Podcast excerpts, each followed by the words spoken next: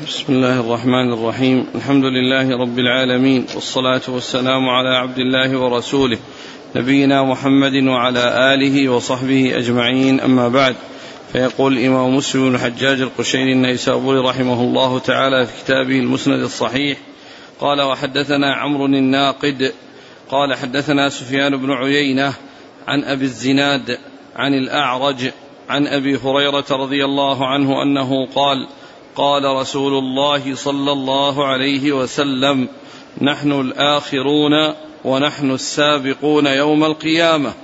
بيد أن كل أمة أوتيت الكتاب من قبلنا وأوتيناه من بعدهم.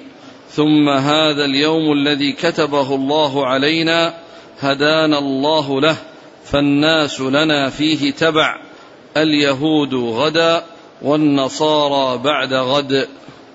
نعم. قال نعم قال وحدثنا ابن أبي عمر قال حدثنا سفيان عن أبي الزناد عن الأعرج عن أبي هريرة رضي الله عنه وابن طاووس عن أبيه عن أبي هريرة رضي الله عنه أنه قال قال رسول الله صلى الله عليه وسلم نحن الآخرون ونحن السابقون يوم القيامة بمثله قال قال وحدثنا قتيبة بن سعيد وزهير بن حرب قال حدثنا جرير عن الأعمش عن أبي صالح عن أبي هريرة رضي الله عنه أنه قال قال رسول الله صلى الله عليه وسلم نحن الآخرون الأولون يوم القيامة ونحن أول من يدخل الجنة بيد أنهم أوتوا الكتاب من قبلنا وأوتيناه من بعدهم فاختلفوا فهدانا الله لما اختلفوا فيه من الحق.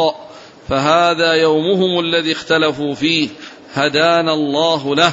قال يوم الجمعة فاليوم لنا وغدا لليهود وبعد غد للنصارى. قال وحدثنا محمد بن رافع. قال حدثنا عبد الرزاق. قال أخبرنا معمر عن همام بن منبه أخي وهب بن منبه.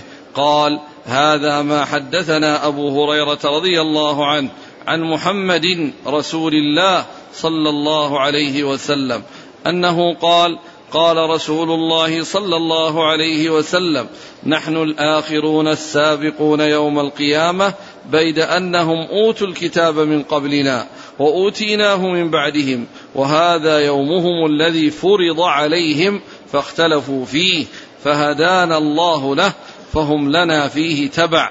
فاليهود غدا والنصارى بعد غد. قال وحدثنا أبو كريب وواصل بن عبد الأعلى قال حدثنا ابن فضيل عن أبي مالك الأشجعي.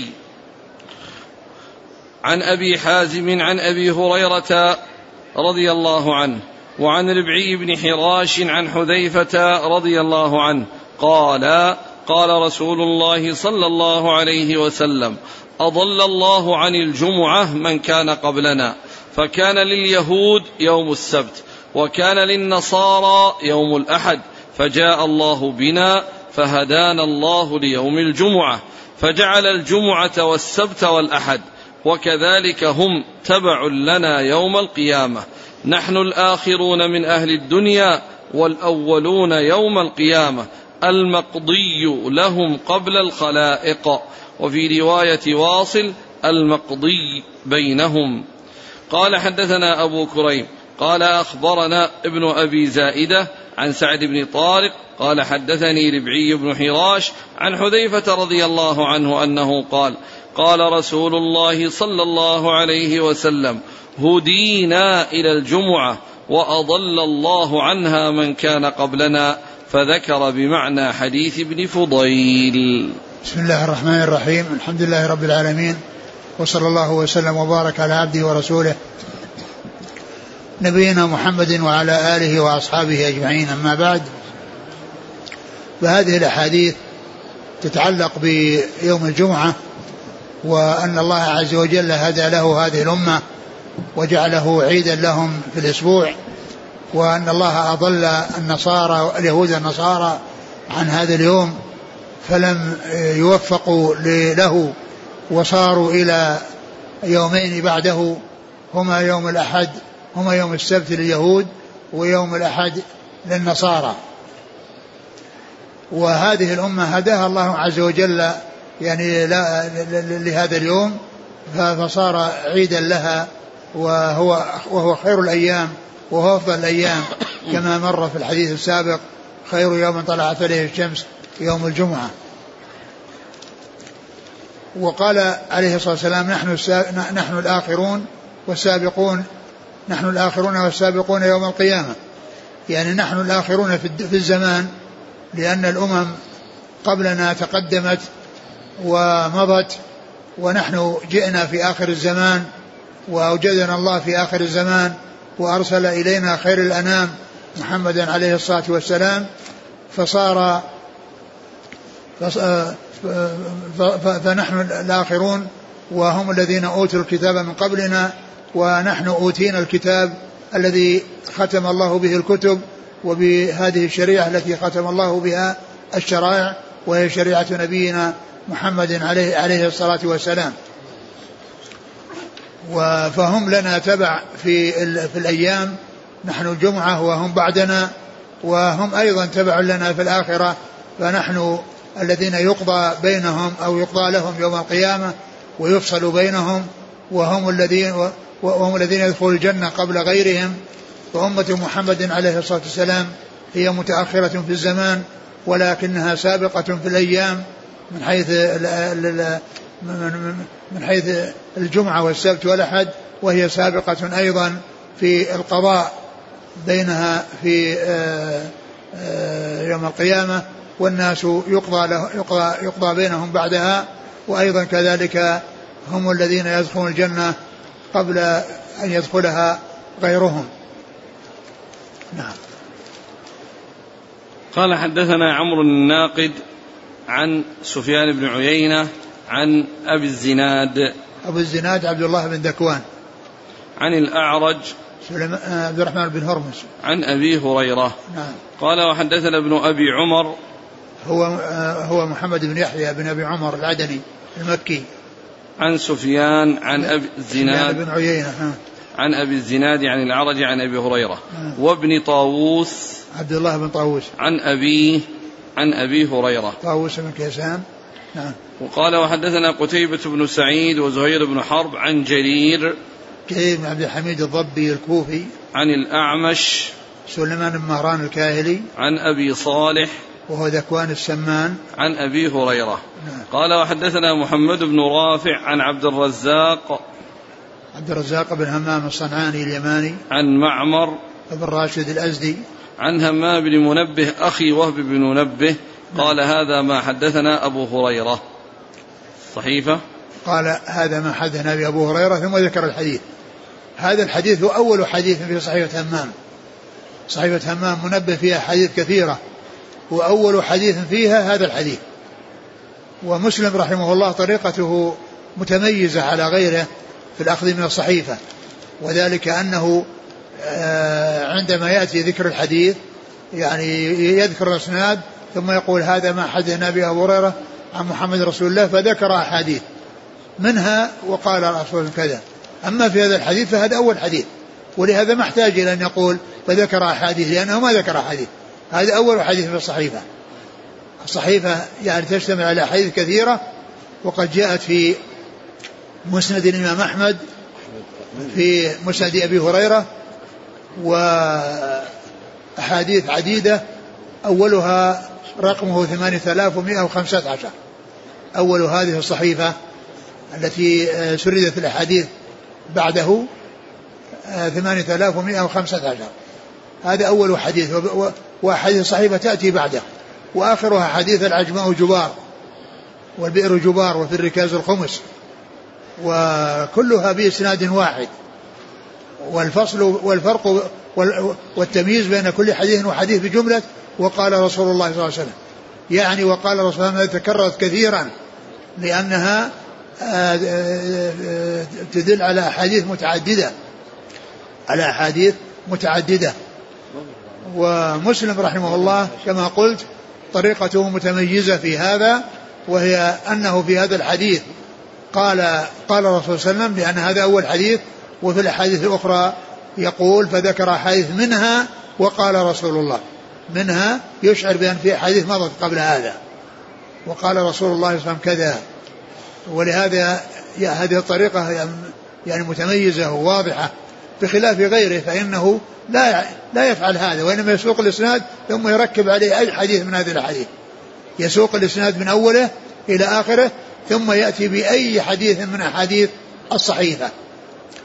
ثم إن هذه الصحيفة اشتملت على أحاديث كثيرة انتقى البخاري منها اتفق البخاري ومسلم على انتقاء أحاديث منها.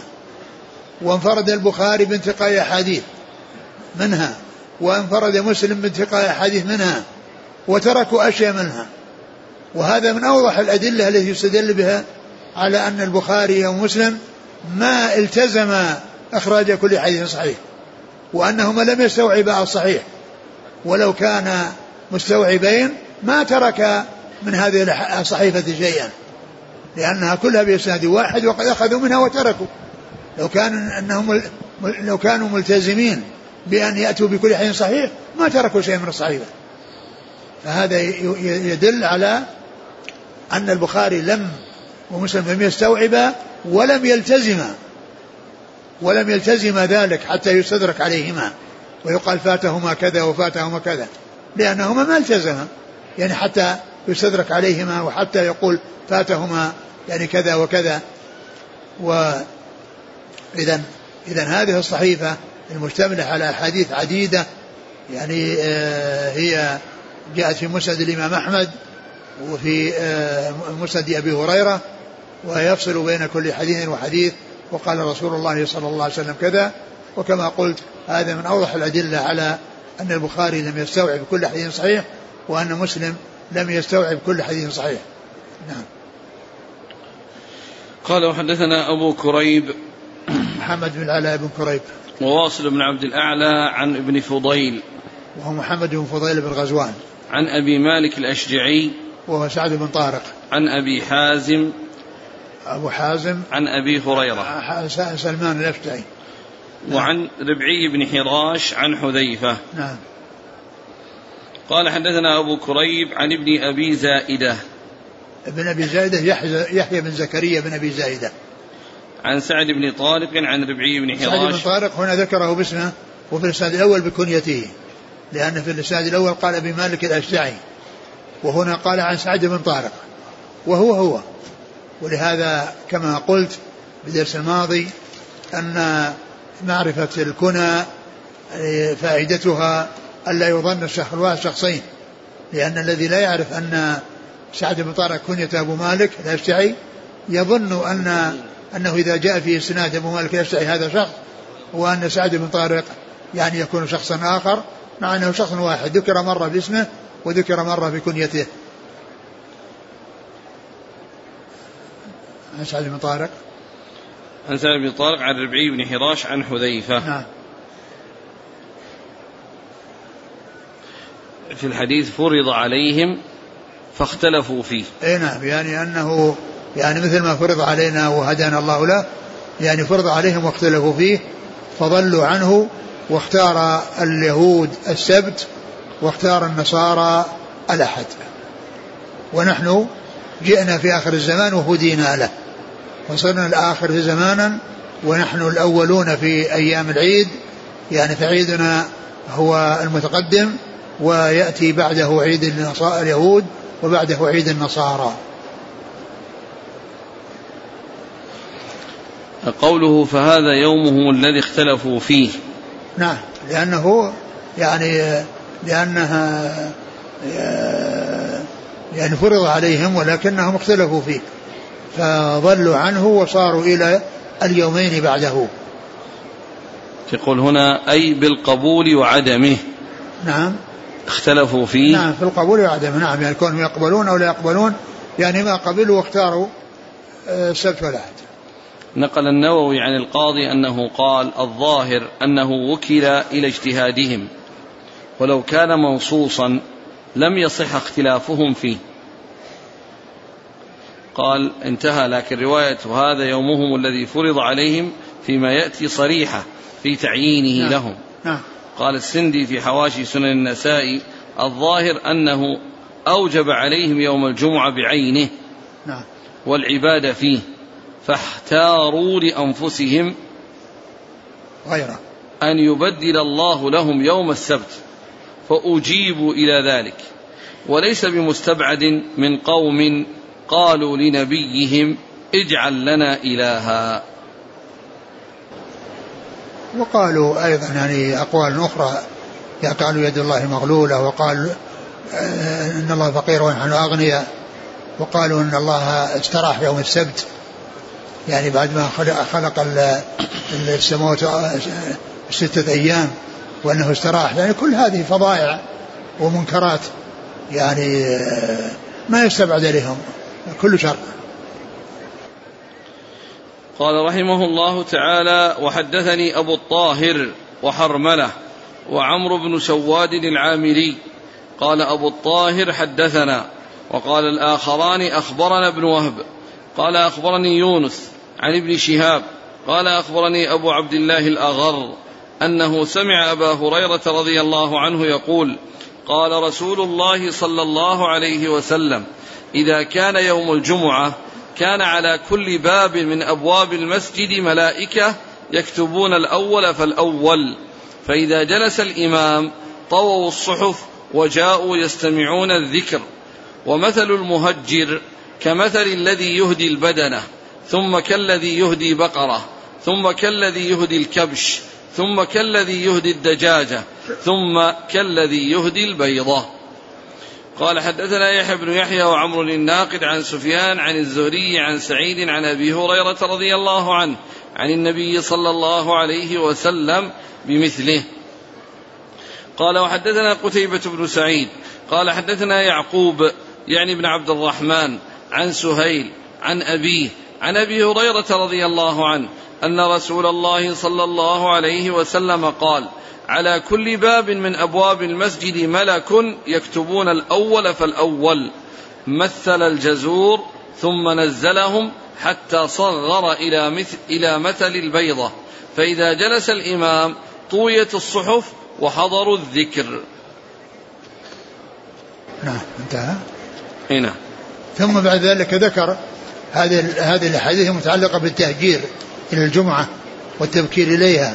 وقد مر بنا الحديث يعني في ذلك يعني من راح في الساعة الأولى فكأنما قرب بدنه ومن راح في الساعة الثانية فكأنما قرب بقرة ومن راح في الساعة الثالثة فكأنما قرب كبشا ومن راح في الساعة الرابعة فكأنما قرب دجاجة ومن راح في الساعة الخامسة فكأنما قرب بيضة. وهنا ذكر أو عقد أو ذكر أحاديث تتعلق بهذا الموضوع تتعلق يعني بها بها بهذا الموضوع الذي هو التهجير والتبكير يعني الجمعة وأن الناس يتفاوتون في أجورهم وثوابهم وأن من يأتي مبكرا وهو بمثابة الذي يهدي البدنة ثم ما دونها وهكذا إلى أن وصل إلى أصغر شيء وهو البيضة. إلى أن وصل إلى شيء أصغر شيء وهو البيضة.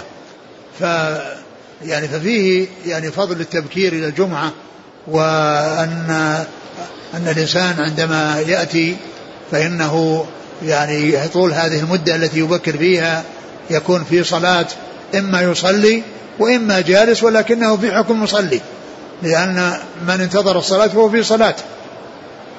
يعني ولو كان جالسا ينتظر الصلاة فهو في صلاة لكنه إذا كان مع ذلك يصلي فهو خير على خير ونور على نور. قال إيش أول حديث؟ قال قال صلى الله عليه وسلم إذا كان يوم الجمعة كان على كل باب من أبواب المسجد ملائكة يكتبون الأول فالأول. يعني يكتبون الأول فالأول.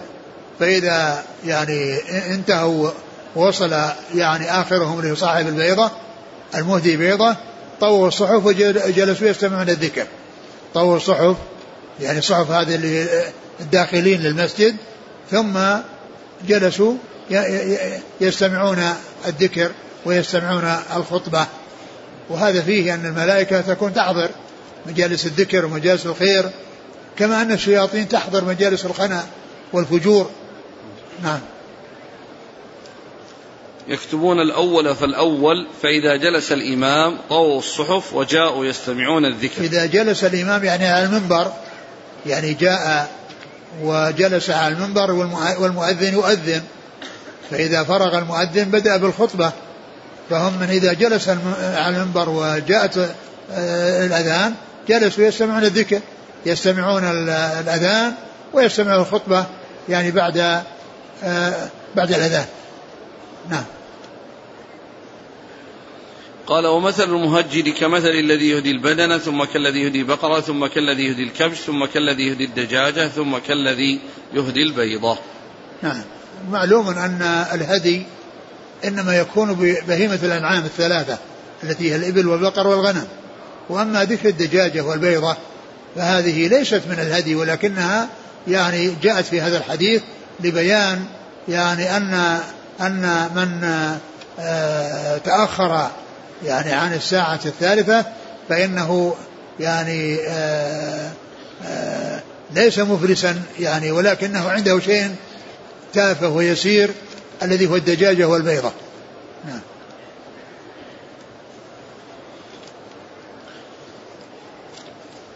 قال حدثنا أبو الطاهر وحرملة وعمرو بن سواد العامري. أبو الطاهر هو أحمد بن, بن عمرو بن السرح المصري. عن ابن وهب. عبد الله بن وهب. عن يونس. بن يزيد الأيلي. عن ابن شهاب. محمد بن مسلم بن عبيد الله. عن أبي عبد الله الأغر. نعم. سلمان عن أبي هريرة. نعم. قال حدثني يحيى بن يحيى وعمر الناقد عن سفيان عن الزهري. عن سفيان هو بن عيينة. إذا جاء سفيان يروي عن الزهري فالمراد به بن عيينة. عن سعيد بن المسيب. عن أبي هريرة. قال وحدثنا قتيبة بن سعيد عن يعقوب يعني بن عبد الرحمن عن سهيل سهيل بن أبي صالح. عن أبيه أبو صالح ذكوان السمان. عن أبي هريرة. نعم. قال رحمه الله تعالى حدثنا أمية بن بسطام. قال حدثنا يزيد يعني بن زريع. قال حدثنا روح. عن سهيل عن أبيه عن أبي هريرة رضي الله عنه عن النبي صلى الله عليه وسلم أنه قال من اغتسل ثم أتى الجمعة فصلى ما قدر له ثم أنصت حتى يفرغ من خطبته ثم يصلي معه غفر له ما بينه وبين الجمعة الأخرى وفضل ثلاثة أيام. قال وحدثنا يحيى بن يحيى وأبو بكر بن أبي شيبة وأبو كريب. قال يحيى أخبرنا وقال الآخران حدثنا أبو معاوية عن الأعمش عن أبي صالح عن أبي هريرة رضي الله عنه أنه قال قال رسول الله صلى الله عليه وسلم من توضأ فأحسن الوضوء ثم أتى الجمعة فاستمع وأنصت غفر له ما بينه وبين الجمعة وزيادة ثلاثة أيام. ومن مس الحصى فقد لغى. ثم ذكر بعد هذا يعني هذه الأحاديث المتعلقة بفضل الجمعة وفضل حضور الجمعة وأن في ذلك الأجر العظيم والثواب الجزيل من الله وأن الإنسان عندما يأتي ويغتسل ثم يذهب إلى المسجد ويصلي ما كتب له. وهذا يدل على أن أن أن الصلاة يوم الجمعة أنها مطلقة.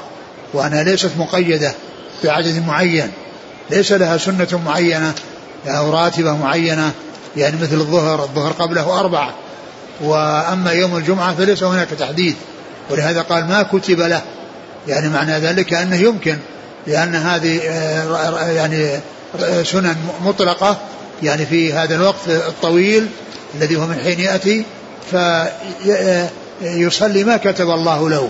يعني الشيء الذي كتب تمكن منه والذي قدر عليه والذي كتبه الله عز وجل يعني قدره وقضاه عليه وصلى ما كتب له ثم أنصت وصلى مع الإمام فإنه يكتب له يغفر يغفر له ما بين هذه الجمعة والجمعة الأخرى وزيادة ثلاثة أيام.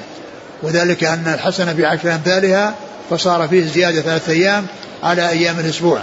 يعني من من من وقت الصلاة الذي آه، حصل الصلاة والخطبة إلى مثله من الجمعة الثانية وزيادة ثلاثة أيام وذلك لأن الحسنة بعشر أمثالها فصار فيه زيادة على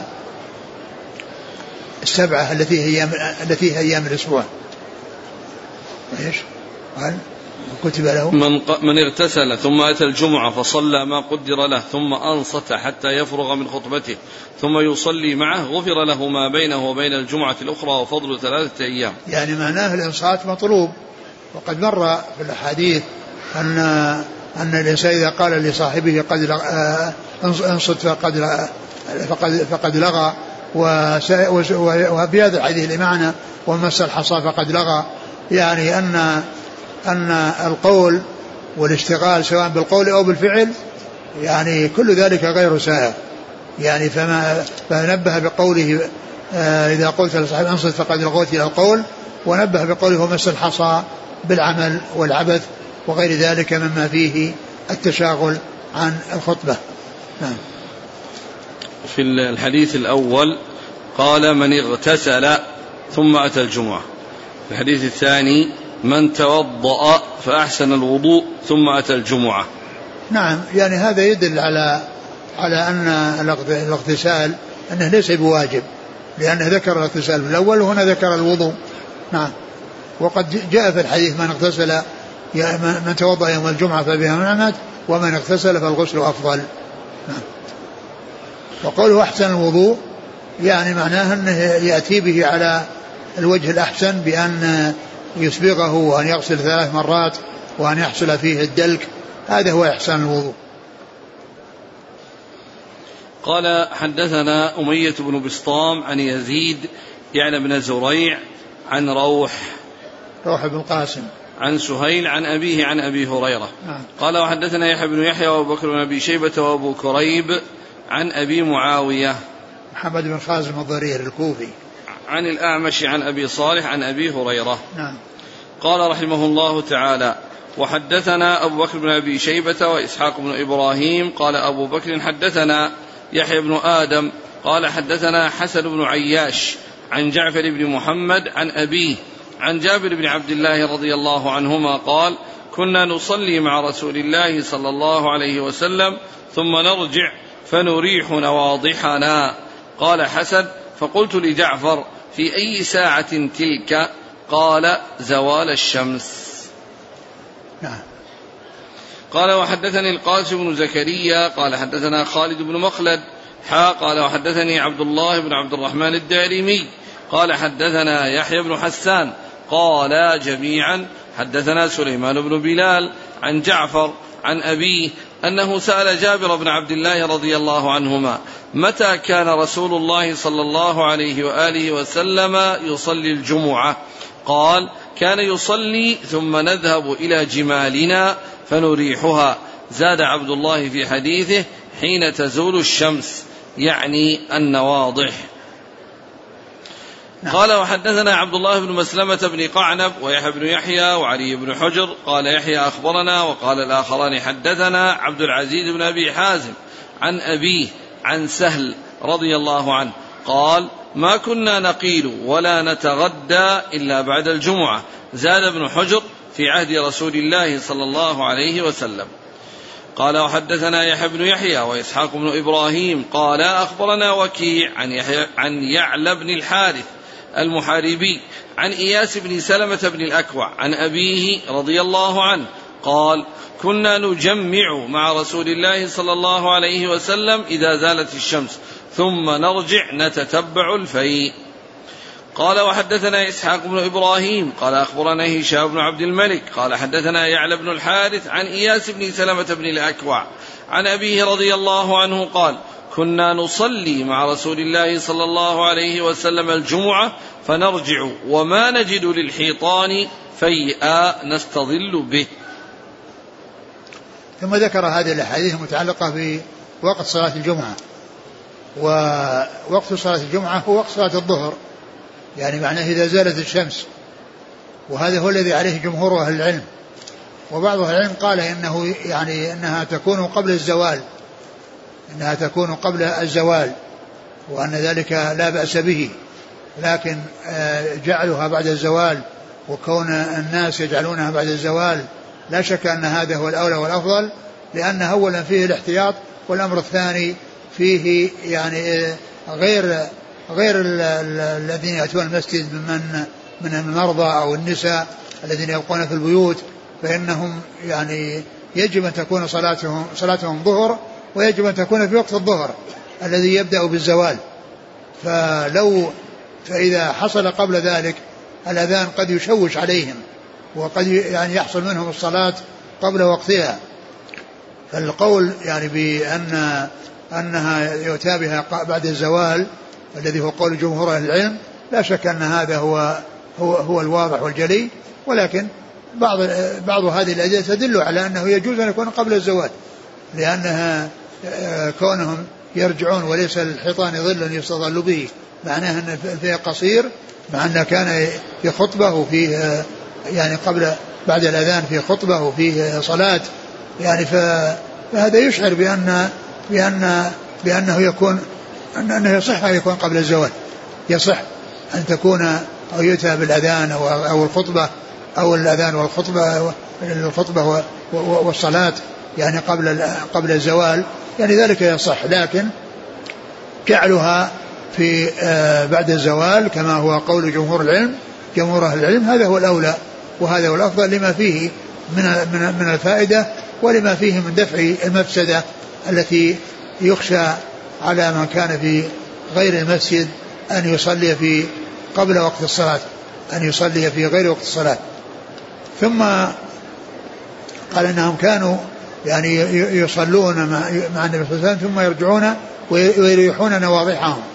النواضح هي الإبل أو الدواب التي يستنبط بواسطتها الماء من البئر فإنهم كانوا يستخرجونه بواسطة الإبل وبواسطة البقر بمعنى ان ان ان, أن يكون فيه رشا ويكون فيه غرب وتجره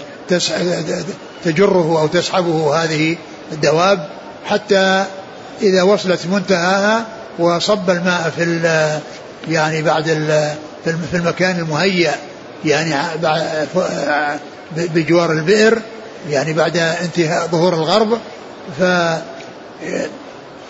يعني هذه النواضح ينضحون عليها يعني يصبون الماء بواسطتها يعني ويستنبطونه من البئر ويضعونه يعني في المكان المخصص الذي يصب فيه الغرب الذي يستخرج به الماء.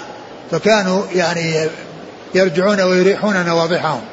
معنى, معنى ذلك أنهم يعني كانوا يتركونها وأنهم إذا فرغوا جاءوا أو صلوا جاءوا وأراحوها وجعلوها في مراحها أو في الأماكن التي خصصت لها. أقرأ الحديث الأول. قال كنا نصلي مع رسول الله صلى الله عليه وسلم ثم نرجع فنريح نواضحنا. نعم. قال في أي ساعة تلك؟ قال زوال الشمس. نعم. يعني زو... أي ساعة؟ زوال الشمس. يعني هذا يفيد بأن فيه أنها يعني يمكن أن تكون قبل قبل الزوال. لأن يعني كانوا يرجعون وذلك عند الزوال. نعم. قال كان يصلي ثم نذهب إلى جمالنا فنريحها. زاد حين تزول الشمس. أين. وفي حديث سهل ما كنا نقيل ولا نتغدى إلا بعد الجمعة. يعني هذا السبب أنهم كان يوم غير يوم الجمعة يتغدون قبل قبل الظهر ويقيلون قبل الظهر. ولكن الجمعة كانوا يبكرون ويذهبون للصلاة مبكرين. فلا يتمكنون مما كانوا يتمكنون فيه في الأيام الأخرى. لأنهم في المسجد ينتظرون الصلاة. فلهذا كانوا يجعلون غداءهم وقيلولتهم بعد الجمعة في يوم الجمعة. لأنهم يوم الجمعة يبكرون ولا يكون هناك مجال لأن يتغدوا وأن يقيلوا قبل الزوال كعادتهم فكانوا يأخرون ذلك إلى بعد الزوال. نعم. إلى بعد الصلاة. نعم. قال وفي حديث سلم بن الأكوع كنا نجمع مع رسول الله صلى الله عليه وسلم إذا زالت الشمس ثم نرجع نتتبع الفيء. يجمعون إذا زالت الشمس يعني وأن ذلك يكون بعد الزوال ويرجعون يتتبعون الفيء يعني معناه يمشون في الظل ظل الجدران والجدران كانت قصيرة يعني فمعنى ذلك إنه مضى وقت يعني بعد الزوال. ثم نرجع نتتبع الفيء. في الرواية الثانية قال وليس الحيطان. فنرجع وما نجد للحيطان فيئا نستظل به. يعني لا يت... هذا هذا الحديث لا يتنافى مع الذي قبله. هنا قال نتتبع الفيء. وهذا قال ليس الحيطان ظل نستظل به. يعني معناه ظل كافي. يعني يستظلون به من الشمس إذا مشوا في آه، بجوار الجدران. فإذا القيد يعني يمكن أن يكون راجع للقيد أو النفي للقيد دون المقيد. وإذا كان النفي للقيد دون المقيد طابق الحديث الذي قبل هذا من يتتبع الفي يعني ما في ظل. ولكن ليس هناك ظل ضليل أو ظل يعني كافي. ف, ف يعني ليس نفيا لأصل الظل وإنما هو نفي, نفي للظل القوي. يعني فهم من العلماء من قال إن أن أن النفي يرجع إلى القيد والمقيد وعلى ذلك تكون الصلاة قبل الزوال. والقول الثاني يقول إنه نفي للقيد دون المقيد الذي هو الظل الكثير هو الذي منفي وليس أصل الظل لأن الحديث الأول جاء أنهم يرجعون يتتبعون الفي ومعناه في ظل لكنه غير كافي. نعم. قال حدثنا أبو بكر بن أبي شيبة وإسحاق بن إبراهيم عن حسن بن عياش عن يحيى بن آدم عن حسن بن عياش عن جعفر بن محمد عن أبيه نعم جعفر بن محمد الصادق عن أبيه محمد بن علي بن حسين الباقر نعم. عن جابر بن عبد الله نعم. قال وحدثني القاسم بن زكريا عن خالد بن مخلد حا قال وحدثني عبد الله بن عبد الرحمن الدارمي عن يحيى بن حسان جميعا عن سليمان بن بلال عن جعفر عن أبيه عن جابر بن عبد الله. نعم. قال وحدثنا عبد الله بن مسلمة بن قعنب ويحيى بن يحيى وعلي بن حجر عن عبد العزيز بن أبي حازم عن أبيه. عبد العزيز بن أبي حازم أبو حازم هو سلمة بن دينار. عن سهل. عن سهل بن سعد وأبو حازم إذا جاء يروي عن سهل فالمراد بسلمة بن دينار. وإذا جاء أبو حازم يروي عن أبي هريرة فالمراد بسلمان الأشجعي لأن كل من هو مشهور بكنيته وكثيرا ما يذكر يذكر بالكنية دون الاسم فما ما من كان راويا عن سهل بن سعد الساعدي فهو سلمة بن دينار ومن كان راويا عن أبي هريرة فهو سلمان الاشجعي. قال وحدثنا يحيى بن يحيى وإسحاق بن إبراهيم عن وكيع وكيع بن الجراح الرؤاسي الكوفي عن يعلى عن يعلى بن الحارث المحاربي عن إياس بن سلمة الاكوع عن أبيه. نعم. قال وحدثنا إسحاق بن إبراهيم عن هشام بن عبد الملك عن يعلى بن الحارث عن إياس بن سلمة بن الاكوع عن أبيه. نعم. قال رحمه الله تعالى هشام بن عبد الملك هو الطيالسي أبو الوليد الطيالسي نعم قال رحمه الله تعالى وحدثنا عبيد الله بن عمر القواريري وأبو كامل الجحدري جميعا عن خالد. قال أبو كامل حدثنا خالد بن الحارث. قال حدثنا عبيد الله عن نافع عن ابن عمر رضي الله عنهما قال كان رسول الله صلى الله عليه وسلم يخطب يوم الجمعة قائما ثم يجلس ثم يقوم. قال كما تفعلون اليوم. قال وحدثنا يحيى بن يحيى وحسن بن الربيع وأبو بكر بن أبي شيبة قال يح قال يحيى أخبرنا وقال الآخران حدثنا أبو الأحوص عن سماك عن جابر بن سمرة رضي الله عنه قال كانت للنبي صلى الله عليه وسلم خطبتان يجلس بينهما يقرأ القرآن ويذكر الناس. نعم. قال وحدثنا يحيى بن يحيى قال أخبرنا أبو خيثمة عن سماك قال أنباني جابر بن سمرة أن رسول الله صلى الله عليه وسلم كان يخطب قائما ثم يجلس ثم يقوم فيخطب قائما. فمن نبأك أنه كان يخطب جالسا فقد كذب. فقد والله صليت معه أكثر من ألفي صلاة. نعم. انتهى؟ نعم. ثم ذكر بعد ذلك هذه الأحاديث المتعلقة بخطبتي الجمعة وأنها تكون عن قيام وأنه يعني آه، يفصل بين خطبة وخطبة في الجلوس ف وكلها تبين هديه صلى الله عليه وسلم في ذلك وأنه كان عليه الصلاة والسلام يعني يخطب قائما وثم يجلس ثم يقوم ويخطب وأنه كان يقرأ القرآن ويذكر ويأتي بالتذكير والمواعظ وبيان الأحكام الأحكام الشرعية. ففيه بيان أن الجمعة لا بد لها من خطبتين وأن الخطيب لا بد أن يكون قائما وأنه يعني لا يجوز له أن يجلس. وإن اضطر إلى ذلك أو كان مضطرا وجلس يعني للاضطرار فهذا لا بأس به. ولكن الأصل أن الخطبة تكون عن قيام لا تكون عن جلوس. نعم. نعم. قال كان صلى الله عليه وسلم آه، كان النبي صلى الله عليه وسلم خطبتان يجلس بينهما يقرأ القرآن ويذكر الناس. يعني في الخطبة يعني. يقرأ القرآن ويذكر الناس يعني في الخطبتين. قال وحدثنا عبيد الله بن عمر القواريري وأبو كامل الجحدري. هو الفضيل بن حسين. عن خالد بن الحارث عن عبيد الله. بن بن عمر العمري. عن نافع عن ابن عمر. نعم. قال وحدثنا يحيى بن يحيى وحسن بن الربيع وأبو بكر بن أبي شيبة عن أبي الأحوص. سلام بن سليم الحنفي. عن سماك. بن حرب. عن جابر بن سمرة. نعم. قال وحدثنا يحيى بن يحيى عن أبي خيثمة. أبو خيثمة زهير بن معاوية. عن سماك. لأن فيه لأن أبو خيثمة اثنان أحدهما في طبقة شيوخ مسلم والثاني في طبقة شيوخ شيوخه فابو خيثمة زهير بن حرب وأبو خيثمة زهير بن معاوية.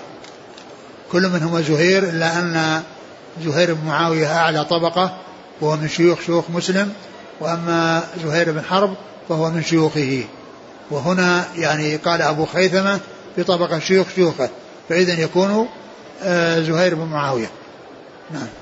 وكل منهما مشهور بكنيته. أبو زهير بن حرب أبو خيثمة وزهير بن معاوية أبو خيثمة. إلا أن هذا في طبقة متأخرة في شيوخ مسلم وهذا في طبقة متقدمة في شيوخ شيوخه. نعم. عن سماك عن جابر بن سمرة. نعم.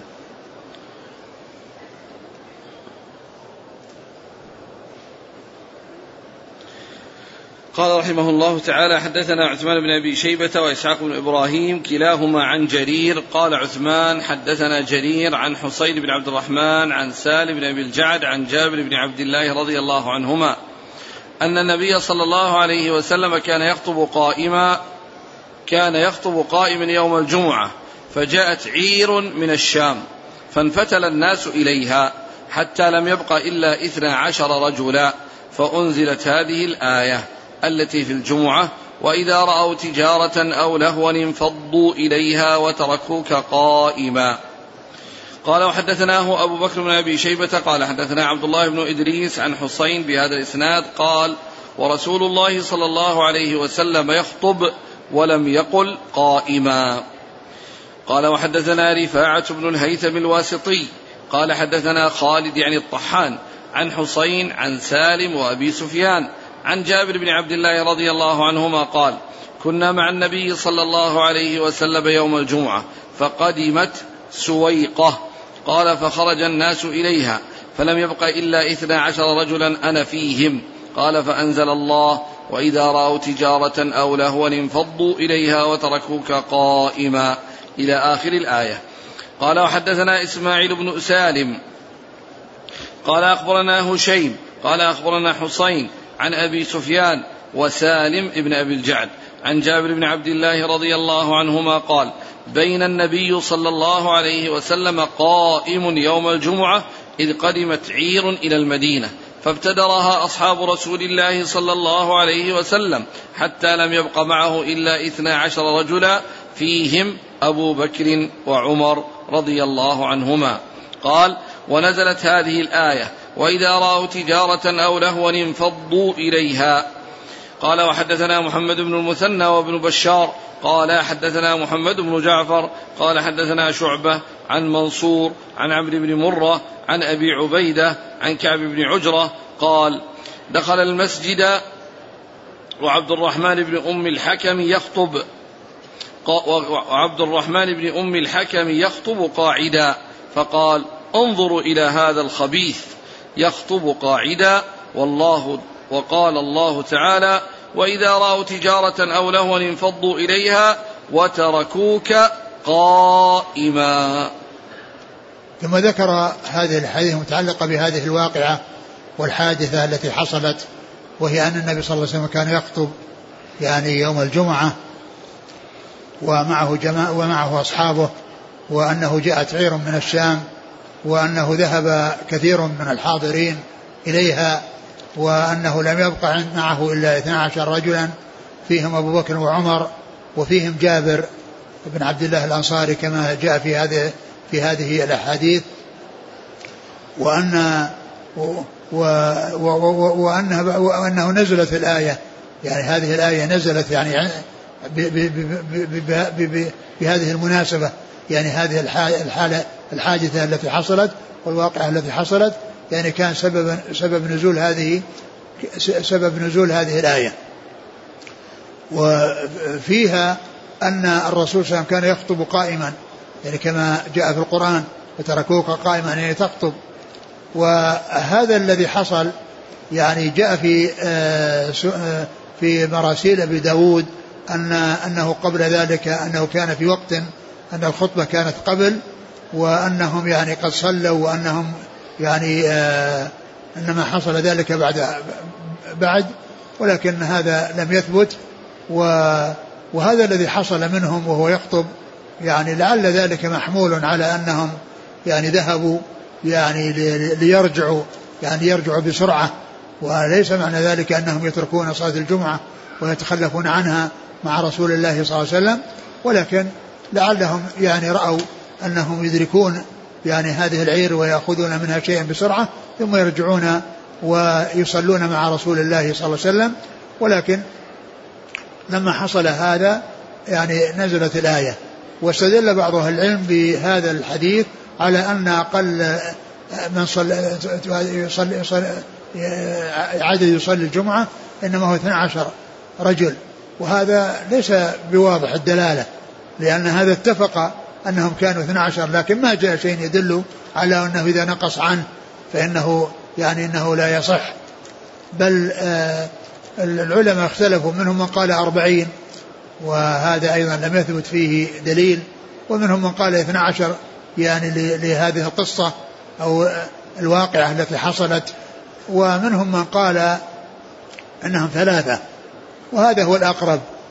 لأن التجميع إذا كانوا ثلاثة يعني إمام ومأمومان يخطب فيهم فهذا هو أقل يعني عدد يعني تنعقد به الجمعة ولم يأتي شيء يحدد لا 12 ولا أربعين ولا أقل ولا أكثر لكن من من حيث الجمع ومن حيث ال ال الإمام يعني كونه عنده اثنان يخطب يعني فيهما يعني يحصل به المقصود. ف يعني إذا كان وحده ليس معه إلا واحد يعني هذا يعني ليس بمستقيم أن واحد يخطب على واحد وإنما يكون جماعة. يعني اللي هم ثلاثة إمام ومأمومان. نعم.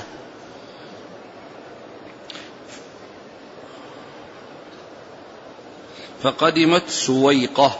سويقة قيل يعني آه إنها المقصود بها العير. والمقصود به يعني التقليل يعني كان إشارة إلى التقليل يعني هذه الكمية التي هي العير التي عليها معها الطعام أو التجارة. نعم. عن كعب بن عجرة قال دخل المسجد وعبد الرحمن ابن أم الحكم يخطب قاعدا. فقال انظروا إلى هذا الخبيث يخطب قاعدا. والله يعني تبارك وتعالى يعني معناها القرآن جاء فيه أن الرسول كان أنه كان يخطب قائما وهذا يعني كان جالسا. هذا بيان أن هذا في مخالفة للسنة وإنكار على من يخالف السنة.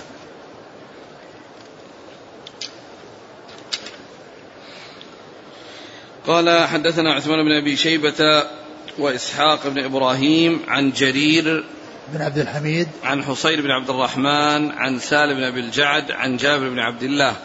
قال وحدثناه بكر بن أبي شيبة عن عبد الله بن إدريس عن حصين بهذا الإسناد.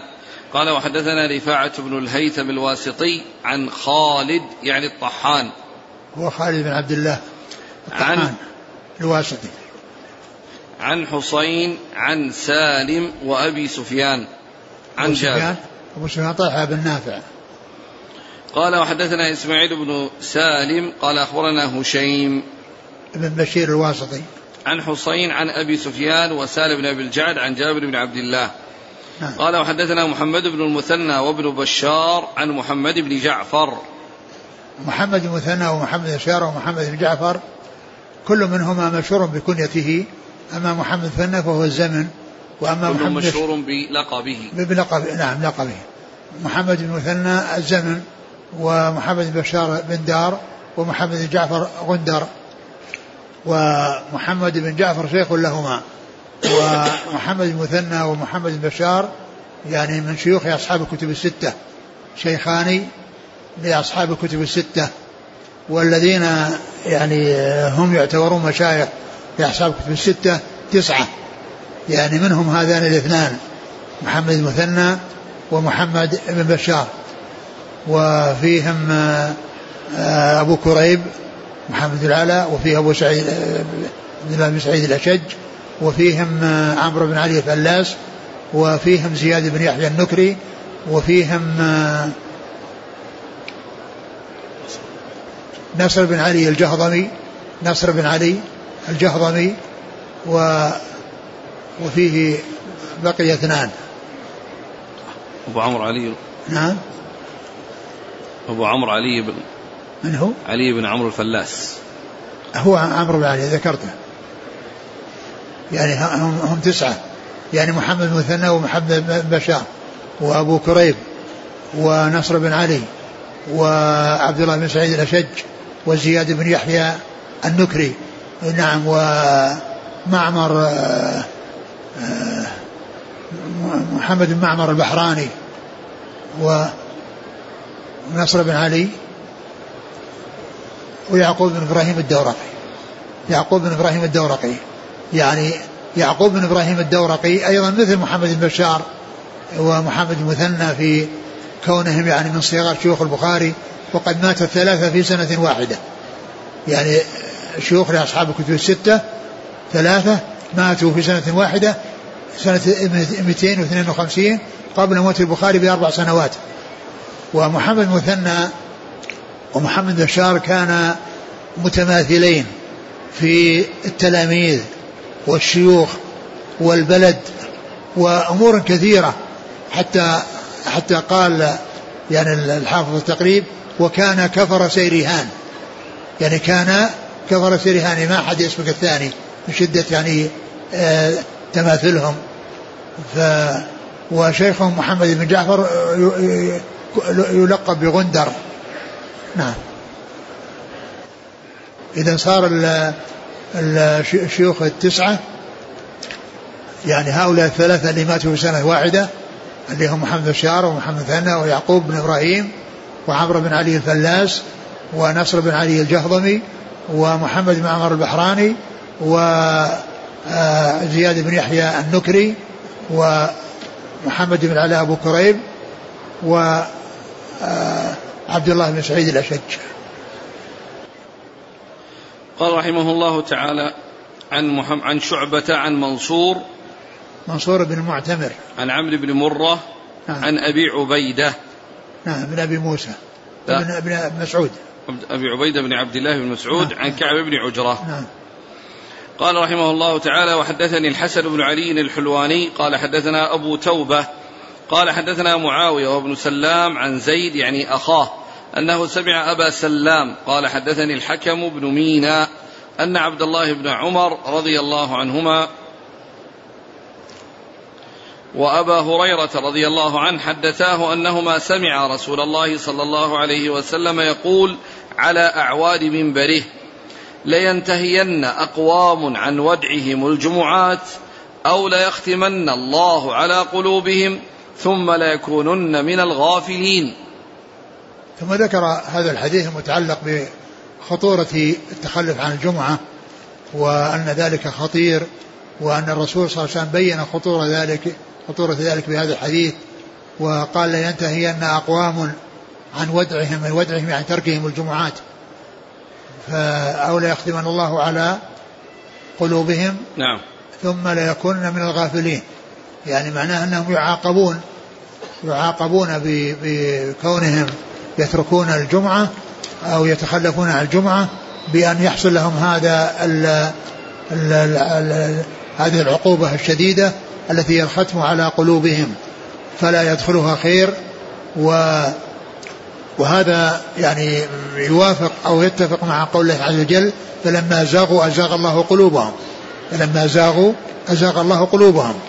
لأن الزيغ يعني عقوبة العقوبة عليه الإزاغة. فهؤلاء الذين يعني ما حصل منهم أداء صلاة الجمعة أو يتخلفون عن الجمعة وحصل منهم الزيغ يعاقبهم الله عز وجل بعقوبة شديدة وهي أن تحصل لهم الإزاغة ويحصل الختم على قلوبهم. فيعني يكون في ذلك يعني بعيدين عن خير ولا يصل إليها خير. ثم لا يكونن من الغافلين. يعني هذا الذي يتخلف عن الجمعة يعاقب بأن يختم على قلبه فلا يصل إليه خير ويؤول أمره إلى أن يكون من الغافلين وينتهي أمره إلى أن يكون من الغافلين. والحديث يدل على اتخاذ المنبر وعلى ال ال وعلى التحذير من التهاون في أمر الجماعة وفيه بيان أن خطوة الجمعة يعني تكون يعني تشتمل على بيان الأحكام الشرعية وبيان المواعظ والعبر والعظات التي يستفيد منها الإنسان لينتهي ان أقوام عن ودعهم الجمعات أو ليختمن الله على قلوبهم ثم ليكونن من الغافلين. نعم. قال حدثني الحسن بن علي الحلواني عن أبي توبة. أبو توبة هو الربيع بن نافع الحلبي وهو الربيع بن نافع الحلبي وهو الذي اشتهر عنه المقولة وهي أن معاوية ستر لأصحاب رسول الله صلى الله عليه وسلم فمن اجترى عليه اجترى على من وراءه أو على غيره يعني كستر. فإذا من اجترى على معاوية اجترى وهذا هو الواقع. فإن من يعني يحصل منه التهاون في أمر معاوية الكلام فيه يسهل عليه الكلام في غيره. ومن الذين لم يسلم منهم معاوية من لم يسلم منهم عثمان رضي الله عنه. يعني يعني مما يوضح كلمة أبو أبو توبة هذه يعني أن أنه ستر لأصحاب رسول الله وأن من اجترى عليه اجترى على على غيره وهو مثل الستر الذي إذا كشف يعني اتضح أو توصل إلى إلى إلى ما وراءه. فهذا هو أبو توبة الحلبي. وبعده عن معاوية وهو ابن سلام نعم. عن زيد يعني أخاه عن أبي سلام. وهو ممطور الحبشي. عن الحكم بن مينا نعم. عن عبد الله بن عمر وأبي هريرة. والله تعالى أعلم. ونسأل الله عز وجل أن يوفقنا لما يرضيه وأن يجعلنا من يستمع القول فيتبع أحسنه. إنه سميع مجيب. ونسأله سبحانه وتعالى أن يوفقنا لما فيه سعادة الدنيا وسعادة الآخرة. آمين. ربنا تقبل منا إنك أنت السميع العليم. آمين. ربنا آتنا في الدنيا حسنة وفي الآخرة حسنة. وقنا عذاب النار. ربنا لا تزغ قلوبنا بعد هديتنا. وهب لنا من لدنك رحمة إنك أنت الوهاب. ربنا اغفر لنا ولإخواننا سبقونا بالإيمان. ولا تجعل في قلوبنا غلا للذين آمنوا. ربنا إنك رؤوف رحيم. اللهم أصلح لنا ديننا الذي هو عصمة أمرنا وأصلح لنا دنيانا التي فيها معاشنا وأصلح لنا آخرتنا التي إليها معادنا واجعل الحياة زيادة لنا في كل خير والموت راحة لنا من كل شر. اللهم آت نفوسنا تقواها وزكها أنت خير من زكاها أنت وليها ومولاها.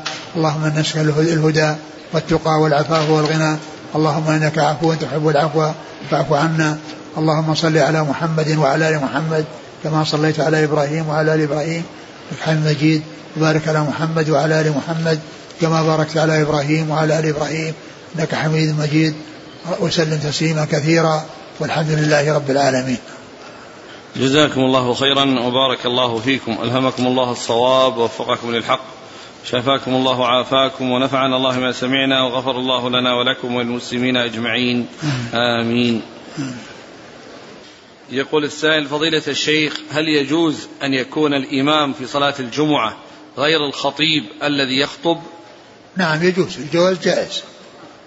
لكن كونه يصير الإمام هو الخطيب لا شك أنه هو الأولى والجواز جائز. يجوز أن يخطب شخص وأن يصلي شخص آخر. وجاء سؤال أن يجعل الخطبة الأولى لخطيب والخطبة الثانية لخطيب آخر. والله هذه ما أعرف يعني الذي يبدو أنها تكون لخطيب واحد. يعني يمكن إذا صاروا اثنين كل واحد يطول وبعدين يشقون على الناس.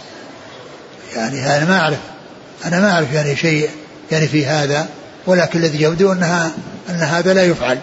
نعم لو حصل يعني أن أن الأول يعني حصل عنده تعب وإعياء يعني وراح واحد أتى بالخطبة الثانية هذا لا بأس به.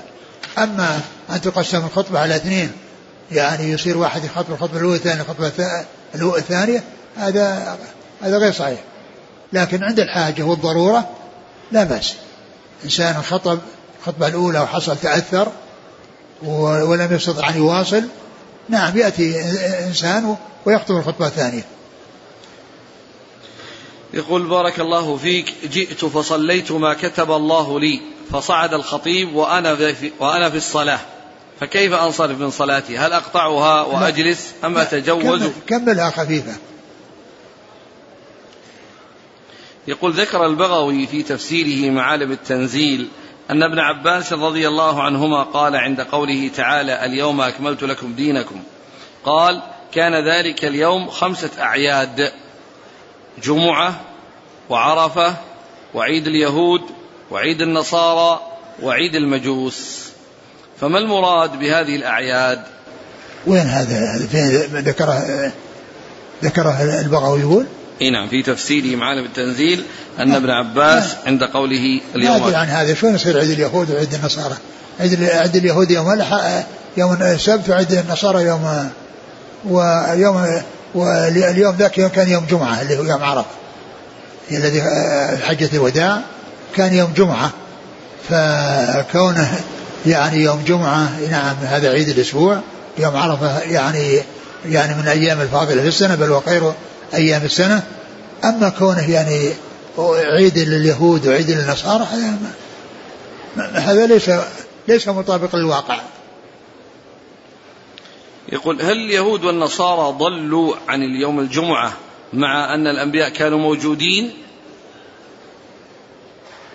معلوم أن أن يعني الأنبياء يعني هم الذين يبينون يعني للناس الحق والهدى لكن لكن أولئك الذين يعني فرض عليهم أو يعني آه، آه، عملوا يعني هذه الأعمال التي فيها يعني التحكم وفيها يعني المخالفة يعني ف ف يعني هل كونه في وقت الأنبياء ومع وجود الأنبياء؟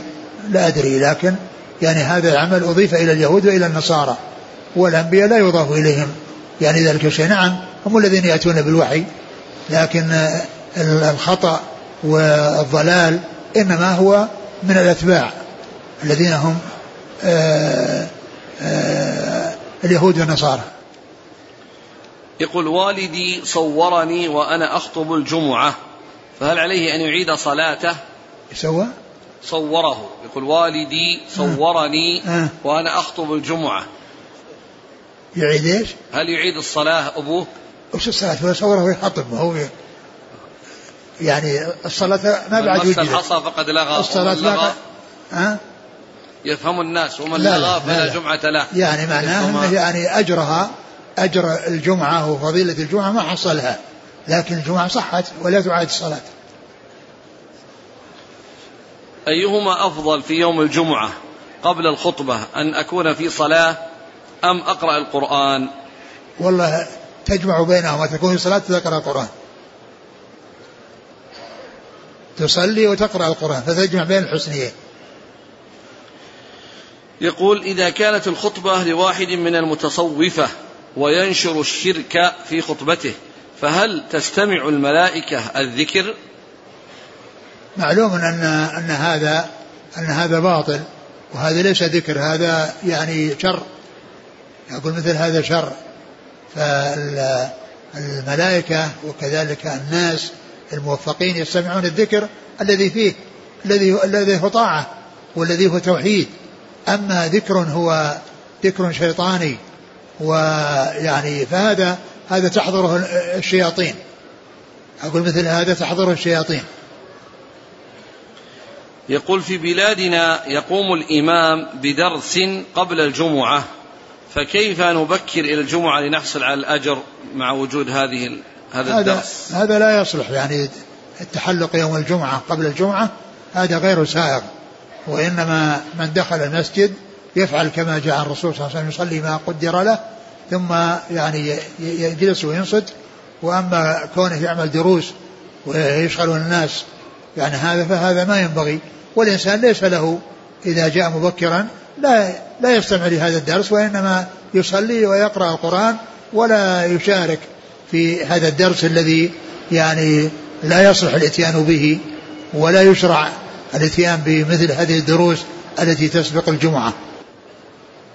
يقول بارك الله فيكم. كان لكن لا يعني ذلك أن الدرس بعد الفجر يعني أنه من هذا القبيل لأن يعني معلوم أن الناس يعني يأتون ويصلون الفجر ويذهبون ويستعدون للصلاة. وإنما الكلام في الوقت الذي آآ آه، آآ آه، الناس يأتون فيه للصلاة. نعم.